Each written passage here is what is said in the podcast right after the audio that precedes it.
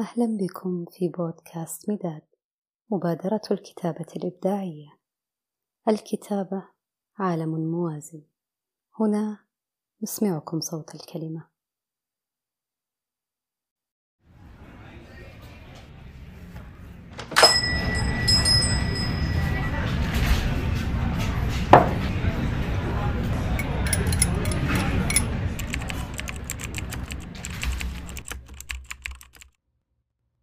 الساعة الخامسة والنصف فجر الجمعة.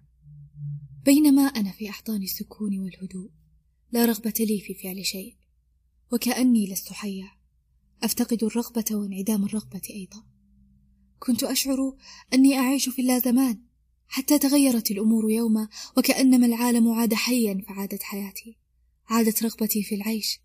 أكلت وشبعت ثم بعدها أطلقت العنان لروحي.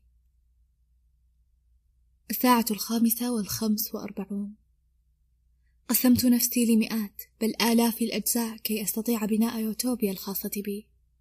هناك الكثير مني في كل مكان. الكثير من سلاسل السكر ذات الطعم غير السكري لذا احتجنا لتكثيرها بطريقتنا الخاصة. ونتيجة لذلك انتفخ وتوسع عالمنا. ارتفع سقفه ومعه سقف طموحاتنا. أن نكون أكبر وأكثر. مرت أزمنة وأزمنة من العمل الكبير والشاق.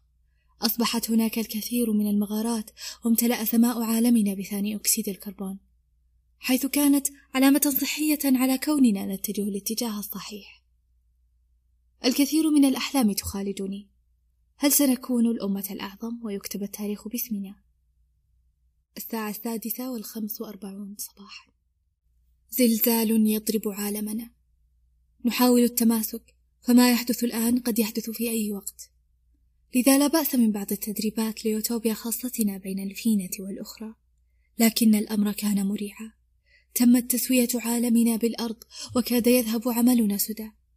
لكن يدا حنونة أعادت ترتيبنا لنعود أسرع وأقوى من السابق لنعوض ما ضاع منا.